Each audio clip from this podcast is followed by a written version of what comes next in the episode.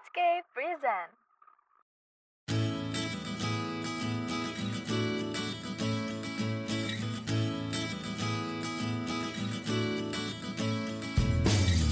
Halo Scapers, kalian lagi dengerin Podscape Podcast Studyscape. Buat kalian yang lagi jenuh sama kegiatan kalian, Podscape bakal nemenin kalian dan pastinya bikin kalian lebih happy lagi. So, dengerin kita terus ya.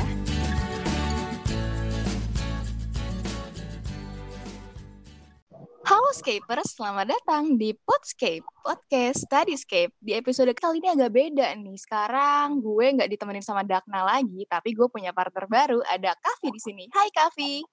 Halo Adel, akhirnya kita bisa duet di podcast Studyscape ini. Seorang Adel yang mungkin kita bisa membahas sesuatu yang baru nih Del, ya enggak? Boleh banget, pasti kita bakal sesuatu, eh, bahas sesuatu yang lebih seru lagi pastinya dari episode-episode sebelumnya. Mari kita kalahkan partner eh, dua partner kita yang lain yaitu Dakna dan Latifa. By the way, Kavi, lo dengerin gak nih episode terakhir dari Podscape yaitu tentang lagu-lagu yang lo dengerin kalau mood eh, kalau mood lo tuh lagi berantakan. Ada nggak lagu yang lo dengerin banget gitu? Oh iya dong, pasti gue selalu selalu update playlist gue. Salah satu lagu yang paling gue suka sekarang ini yaitu adalah lagunya yang dari Raisa. Wah itu tuh bener-bener top playlist gue banget tuh, Del. Bener banget sih lagu Raisa ini tuh nggak tahu ya kenapa ya vibes-nya tuh kayak adem gitu kayak kayak membawa kegalauan gitu tapi bikin adem aja gitu dengernya walaupun sebenarnya lagunya sedih-sedih gitu ya liriknya. By the way ngomongin Raisa nih, kemarin gue baru aja ngeliat postingan Raisa. Kayaknya dia lagi nggak tahu ya dia lagi me time atau vacation gitu deh ke Bali. Lo lihat nggak sih Vi? Oh iya dong, dia lagi kayak lagi vacation dia Del dia sendiri di Bali tuh. Beneran vacation gak sih? Soalnya dia kayak sendiri doang. Kenapa kalau vacation keluarga yang gak diajak ya? Apalagi kan dia punya baby gitu kan. Kayaknya seru banget gak sih ke Bali bareng keluarganya? Ya mungkin tiketnya tinggal satu gitu. nggak tahu gitu. Atau ada ada urusan lain. Kayaknya nggak mungkin gak sih kalau misalnya tiketnya habis. Mungkin dia ini kali ya kalau misalnya dia sendirian ke Bali dan itu dua malam loh. Kayaknya dia mau me time gak sih Vi? Menurut lo gitu gak sih Vi? Oh iya, dong, me time gitu kayaknya cocok di Bali gitu kan sendiri-sendiri menikmati suasana pantai gitu. Kayaknya sih gitu. Bener banget sih me time. Mungkin apa mungkin dia ini kali ya self healing gitu ya. Kayak anak, bahasa anak-anak zaman sekarang gitu. Lo pernah gak sih me time, me time, self healing gitu Vi?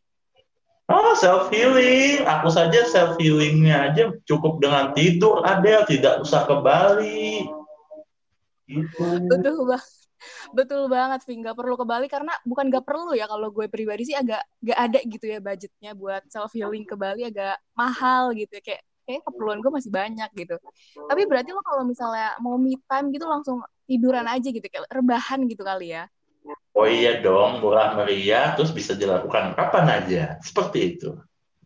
Tapi kenapa ya banyak banget nih sekarang anak-anak di luar sana gitu. Mungkin salah satu dari scapers yang lagi dengerin ini sering banget gitu kayak apa ya? menyalahartikan kata self healing itu gitu atau self love mungkin ya Vi karena kan dia liburan gitu kan kayak harus self love ya nggak sih Vi menurut lo gitu nggak sih Betul banget, banyak banget. Mungkin yang sekarang tuh, aduh, apa-apa kalau ada masalah tuh atau lagi trouble, suka eh, menyendiri, self-healing, self-love lah, supaya nggak kepikiran masalahnya, supaya enjoy vibes-nya gitu, Del. Kayak gitu sih. bener banget sih kayaknya nih apa ya gue nggak sadar gitu kalau ternyata tuh self healing atau self love gue sebenarnya buang-buang waktu gitu kenapa gue nggak coba nyelesain masalah yang harus gue hadepin nih kenapa gue malah jadi kayak kok gue buang-buang waktu kok gue malah leha-leha kok gue malah foya-foya gitu ya kayak sebenarnya harus eh, eh, ada ya ada masalah gitu yang harus gue hadepin tapi gue malah kayak lari gitu dari masalah itu kayaknya problematika anak-anak zaman sekarang tuh banyak yang kayak gitu nggak sih Vi? Iya, jadi anak-anak zaman sekarang tuh, kalau mereka dihadapkan oleh sebuah masalah, mereka tuh akan cenderung berpikir kalau alangkah baiknya gue nggak menghadapi masalah itu. Dan gue milih waktu buat eh, mencari waktu yang tepat agar gue tuh bisa eh, meng- mengembalikan mood, mengembalikan vibes, mengembalikan semangat. Padahal percuma aja kalau Anda tidak menyelesaikan masalah, ya masalah itu tetap ada juga gitu. Jadi percuma aja sih Del kita self healing, self love kayak gitu loh. Bener banget sih, percuma kalau misalnya setelah lo selesai self healing dan self love ini, lo bakal ketemu lagi nih sama masalah yang lo tinggalin sebelumnya karena di di apa ya di fase-fase yang lo bilang self healing itu lo tuh nggak mencari solusi buat masalah lo itu gitu. Tapi kayak uh, kebanyakan anak-anak zaman sekarang tuh justru ya menggunakan istilah self love ini untuk lari gitu dari masalah. Betul banget sih Del. Betul banget. Soalnya gini ya Del. Kadang kenapa kita tuh lebih suka melakukan self healing ketika kita mendapatkan sebuah masalah atau dihadapkan sebuah masalah. Karena ketika kita melakukan self healing, kita itu tidak berhadapan dengan masalahnya itu. Jadi kita merasa, wah kayaknya gue tenang aja nih, gue fine fine aja deh. Nah, ketika kita udah merasa itu dan kita kembali lagi ke kehidupan kita dan kita masih bertemu dengan si masalah ini, ya tetap saja kita tuh akan merasa, ya ampun ketemu lagi, ketemu lagi gitu jadi nggak ada solusi gitu kayak nggak ada solusi nggak ada jalan keluar ya udah kayak hanya berputar-putar di siklus itu aja gitu loh Del. Gue setuju sih apa yang lo bilang Vi karena menurut gue ya self healing sama self love ini kalau misalnya kita nggak artiin dengan benar gitu ya agak tricky gitu nggak sih? Mungkinnya kita bisa terjebak dalam fase-fase self healing dan self love ini gitu. Kita kayak udah keenakan gitu kan di self healing ini kita nggak dapat masalah, kita ngelupain semua masalah kita. Tapi ketika kita balik lagi ke apa ya dunia nyata kita nih kerjaan dan kuliah segala macamnya, kita tetap ketemu gitu. Dan jangan-jangan nantinya kita ini bakal kayak, aduh, udah, gue nggak sanggup deh, kayak gue mau self healing lagi deh. Dan itu bakal terus-terusan kayak gitu dan itu bakal kayak bikin lo nggak berkembang gak sih? Iya, contohnya sih kayak gini Del. Misalkan uh, gue adalah mahasiswa akhir yang ngerjain skripsi. Misalkan kalau gue kasusnya mahasiswa. Di hadapan gue masalah itu skripsi ada. Di hadapan gue masalah itu skripsi masih ada. Dan gue malah tidak menyelesaikan skripsi gue. Gue tidak uh, riset, gue tidak bimbingan, dan gue tidak melakukan apa pun gitu. Dan gue malah fokus liburan gue. Jadi ketika gue liburan selesai dan gue merasa baik-baik aja, skripsi Anda masih ditunjuk oleh dosen pembimbing Anda gitu mas. Jadi sama aja bohong gitu deh alangkah baiknya kalau misalkan kalau kita ah aku ada skripsi banyak mending aku tiduran dulu deh buat pikiran lebih tenang. Kan itu kan lebih bagus ya kita tidur kita istirahat tenang take a break lah bahasanya gitu. Jadi lebih cocok tuh self healing itu diganti dengan istilah take a break atau ambil dulu istirahat sebentar gitu dan ketika kita kalau udah istirahat, kita bisa ngerjain lagi, fresh lagi gitu. Bener banget, bener banget. Kalau misalnya ngelihat dari cerita lo yang tadi nih, studi kasus lo yang tadi, kayak misalnya ada mahasiswa yang lagi mau skripsian, terus tiba-tiba dia meninggalkan skripsinya dengan kedok self-healing, dan akhirnya dia kembali ke kehidupan nyatanya, dia justru ketemu masalah baru, yaitu dikejar-kejar dosen karena skripsinya nggak rampung-rampung, ya kan? Betul banget. Nah, makanya kayaknya bener deh kayaknya bener deh Vi kayaknya uh, istilahnya itu lebih baik mungkin take a break kali ya. Kalau misalnya lo cuman kayak mau aduh kayak gue udah capek deh gue udah gak sanggup dulu. Kayaknya lo mendingan istirahat dulu. Nih terserah deh lo mau ngelakuin apa pun gitu ya. Yang penting kayak mungkin lo tiduran gitu kan mengistirahatkan otak lo mungkin kayak biar biar tenang dulu gitu kan. Atau mungkin lo dengerin lagu mungkin atau mungkin lo cerita sama temen lo mungkin ke coffee shop atau mungkin yang lainnya gitu yang emang sekiranya lo bikin lo tenang gitu. Kan karena kan yang paham sama diri lo sendiri ya cuma lo doang gitu kan yang nggak tahu gitu orang lain. Kayak gimana sih cara menenangkan diri lo ya itu lo lo doang gitu yang tahu. Nah lo tuh harus cari-cari cara yang kayak gitu gitu loh. Gimana sih biar gue tuh bisa tenang dan akhirnya bisa menghadapi semua masalah gue gitu nggak sih? Betul banget. Karena kalau kita bisa berpikir buat kembali fresh kita bisa menemukan solusi alternatif ataupun pemecahan masalah yang sekiranya itu memang dari awal kita nggak kepikiran, tapi kita mengistirahatkan pikiran kita dan pikiran kita uh, menstimulus tingkah laku kita sehingga kita berinisiasi untuk uh, mencari uh, solusi gitu. Dan ini tuh apa ya bisa dibilang mungkin prosesnya agak berat ya Del ya. Prosesnya agak berat buat mencari solusi tapi dengan uh, tidak terlalu banyak mengorbankan waktu itu justru lebih efektif sih lebih efektif dalam menyelesaikan eh, masalah-masalah uh, yang ada di depan kita itu Del. Bener banget, efektivitas itu kayaknya sangat diperlukan untuk kita-kita yang di umuran segini gak sih? Maksudnya kayak mungkin lo yang lagi kuliah, mungkin lo yang mahasiswa akhir ngurus skripsi gitu. Ngasah otak lo tuh gimana caranya biar kita tuh uh, bisa bebas gitu dari semua masalah ini dan lo bisa melangkah ke uh, step baru dari hidup lo gitu nggak sih? Betul banget. Jadi kita tidak tidak boros waktu, tidak boros uh, uang atau dana gitu. Simpelnya sih gini, ibaratkan uh, gue tadi kan kasus gue lagi skripsi gitu kan, dan bagaimana sih gue bisa menemukan take break yang cocok gitu?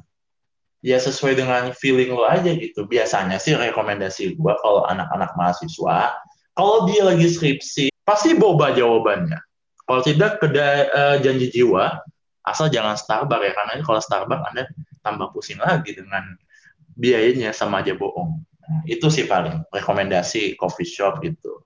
Atau seblak bisa Tudel seblak Bandung biasanya sih. Tapi uh, ini disclaimer ya, uh, sebenarnya kalau menurut gue sendiri dan mungkin menurut lo Kavi juga gitu, self healing ini sebenarnya nggak apa-apa banget dilakuin kalau misalnya emang lo tuh udah mungkin udah ketumpuk banget gitu masalah mungkin dari yang setahun lalu, dua tahun lalu gitu kan mau pecah gitu pala lo gitu kan.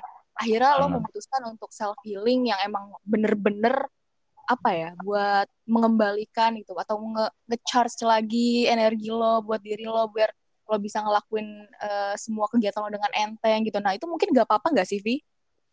Iya betul banget.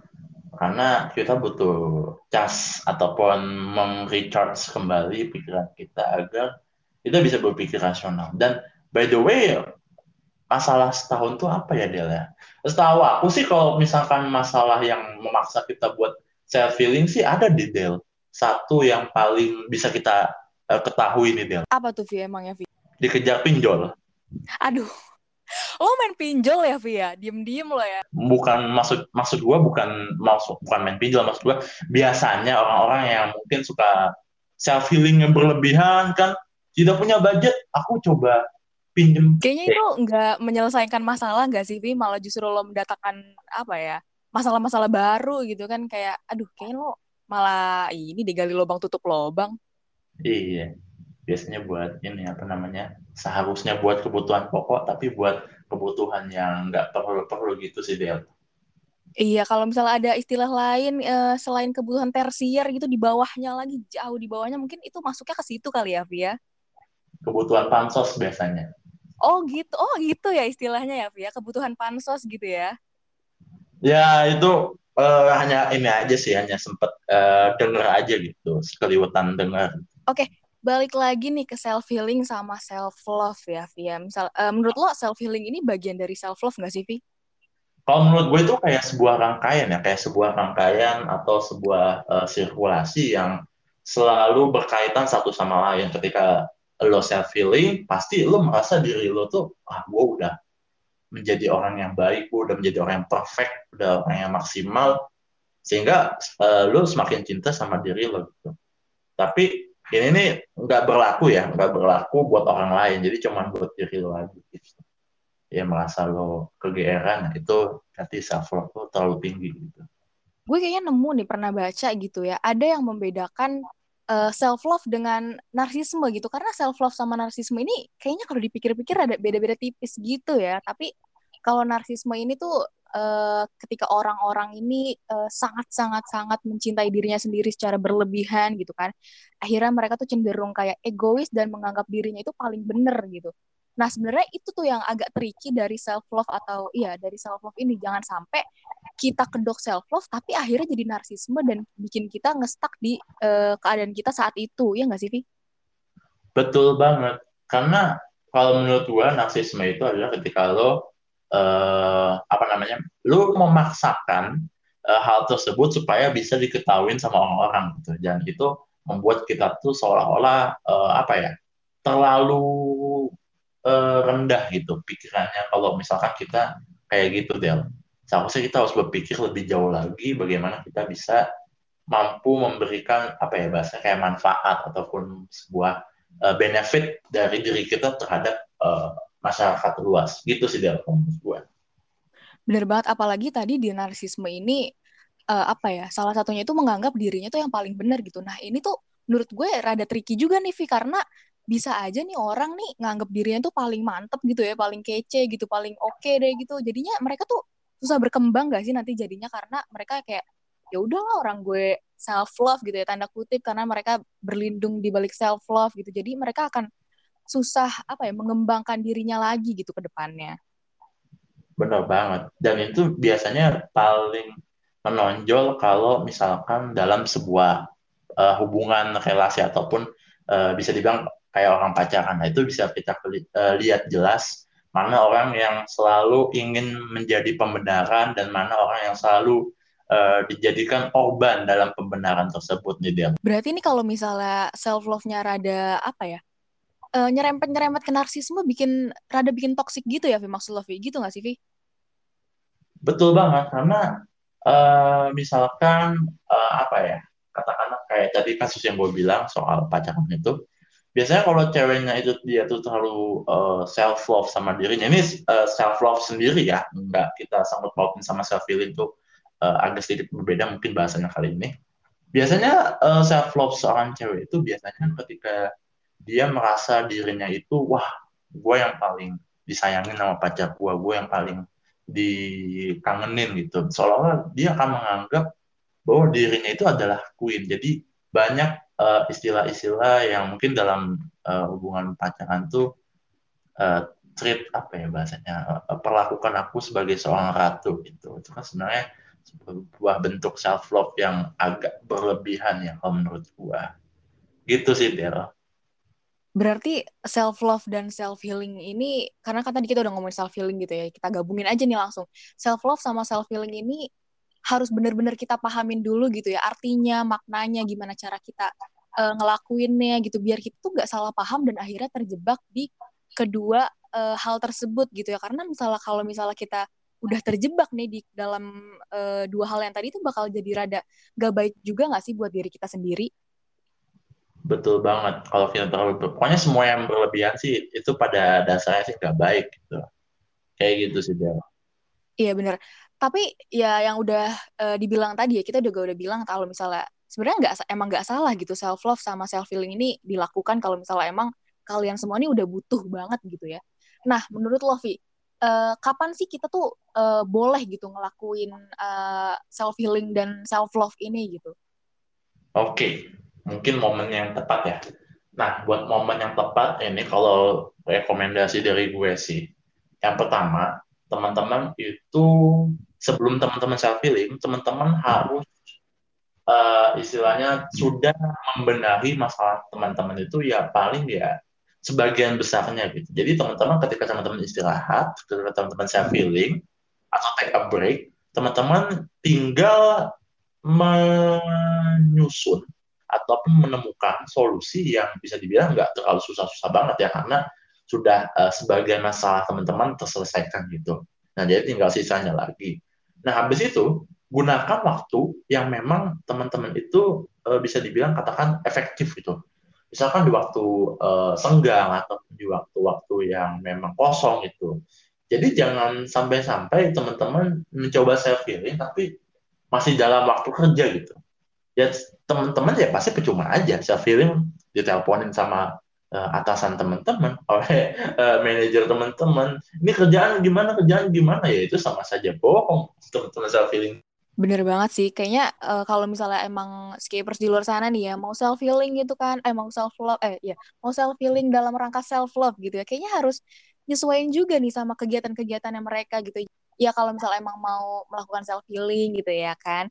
Kayaknya ha, yang tahu kapan itu ya mereka sendiri nggak sih kita kita sendiri ini gitu diri kita sendiri gitu karena kan yang tahu kapasitas dan batasan-batasan kemampuan kita kan diri kita sendiri nggak sih Vi? Betul dong uh, harus diri kita yang memanage, diri kita yang mengatur, diri kita yang menentukan. Kayak gitu. Mungkin uh, enaknya kayaknya istilahnya take a break aja kali ya, biar kita nggak kalut gitu, nggak terla nggak terlarut gitu ya dalam uh, zona nyaman si self healing ini. Betul banget, take a break, istirahat sebentar. Kalau teman-teman capek, istirahat dulu. Jangan langsung liburan, emang ada orang ya yang capek dikit langsung liburan ke Bali gitu jarang ya kecuali konsultan gitu sih By the way, kalau cara take a break lu tuh gimana sih, Vi? Mau tahu dong gue. Ini mungkin uh, apa ya experience dari aku. Kalau aku sih kalau aku lagi capek nugas, lagi capek ngerjain sesuatu yang memang benar-benar udah stuck banget, biasanya sih aku langsung istirahat ya kebahan karena kebahan itu salah satu take a break yang sangat uh, fleksibel, murah, gratis malahan karena tidak membutuhkan biaya dan bisa diatur kapan pun sesuai dengan yang kita mau gitu. Misalkan mau sejam dua jam take a break istirahat ya nggak apa-apa. So kita juga yang ngatur gitu kan. Kayak gitu sih kalau gue simpelnya buat take a break Bel. Gue setuju banget sih sama rebahan ini kayak uh, solusi dari semua masalah gitu ya. Nah tapi kalau gue adalah mungkin kalau misalnya gue lagi emang udah mumet banget gitu ya sama isi otak gue, kayaknya gue bakal ini sih narik orang gitu ya Vi yang orang-orang terdekat gue mungkin buat mendengarkan cerita-cerita gue, keluhan-keluhan gue, sambatan-sambatan gue biar ya setidaknya ada yang mendengarkan gue gitu ya biar kayak gue nggak ngerasa sendiri gitu. Nah sama banget nih buat skapers di luar sana kalau misalnya kalian semua mau gitu ya eh, cerita-cerita ke kita ke Adel ke Kavi ke Dakna atau Latifa bisa banget. Di mana nih Vi ceritanya Vi? Boleh cerita tentang kesibukan kalian boleh tentang cerita apa pun kemumutan kalian boleh uh, apa pun yang mungkin kalian pengen ceritain, uh, kalian bisa langsung aja buka media sosialnya Studyscape, Instagram uh, studyscape.id. Silakan curahkan uh, pikiran kalian seperti itu. Bener banget bisa di Instagramnya nanti langsung di uh, apa ya di apa ya dilihat gitu ya sama kita semua dari Minscape juga gitu dilihat sama Minscape-nya Nah, tapi kalau misalnya Skapers mau cerita nih, tapi kalau di Instagram tuh rasa-rasanya kok kayak malu gitu ya, ceritanya tuh takut dilihat sama Minscape-nya gitu. Nah, kalian boleh banget email aja langsung ke emailnya Podscape, yaitu ada di podcaststudyscape@gmail.com. Nah, by the way, kayaknya kita udah panjang gak sih, Vi? Udah ngomongin self-love tadi, udah ngomongin self-healing juga, udah ngomongin take a break gitu ya. Dari mulai Raisa kita bahas gitu ya. Kayaknya udah cukup gak sih, Vi, untuk episode kali ini? Betul banget sih Del. Kayaknya udah cukup ya. Tapi uh, aku ada satu sesuatu nih Del yang mungkin boleh aku kasih tahu ke teman-teman nih. Oke, jadi buat teman-teman yang mempunyai banyak uh, permasalahan, coba hadapi, coba selesaikan. Dan kalau teman-teman capek, take a break, satu jam, dua jam, asal jangan terlalu lama-lama, kemudian selesaikan. Dan kalau butuh bantuan buat cerita-cerita, bisa lewat tadi Instagram kita, ataupun uh, apa namanya uh, email kita. Tapi buat teman-teman yang mungkin sudah punya banyak keluhan terkait uh, masalahnya gitu dan sudah terkena depresi, mungkin bisa menghubungi uh, si psikolog-psikolog terdekat. Semoga itu bisa membantu teman-teman study mungkin ya. Jangan ke kita karena kita bukan pakarnya. Bener banget kalau misalnya emang uh, sekiranya kalian udah merasa parah banget gitu ya udah nggak sanggup gitu ya kayaknya kalian harus menghubungi tenaga-tenaga profesional biar kalian bisa melanjutkan hidup kalian dan lebih bahagia lagi ke depannya. Nah, untuk episode kali ini segitu aja dulu. Jangan lupa dengerin episode-episode sebelumnya karena pastinya seru-seru banget, gak kalah seru sama yang ini juga. Dan pantengin terus uh, podcastnya Studyscape di Spotify. Yang belum follow, langsung follow. Dan kayaknya segitu dulu dari kita. Gue Adel, pamit. Dan juga ada Kavi, sampai jumpa lagi. Bye-bye.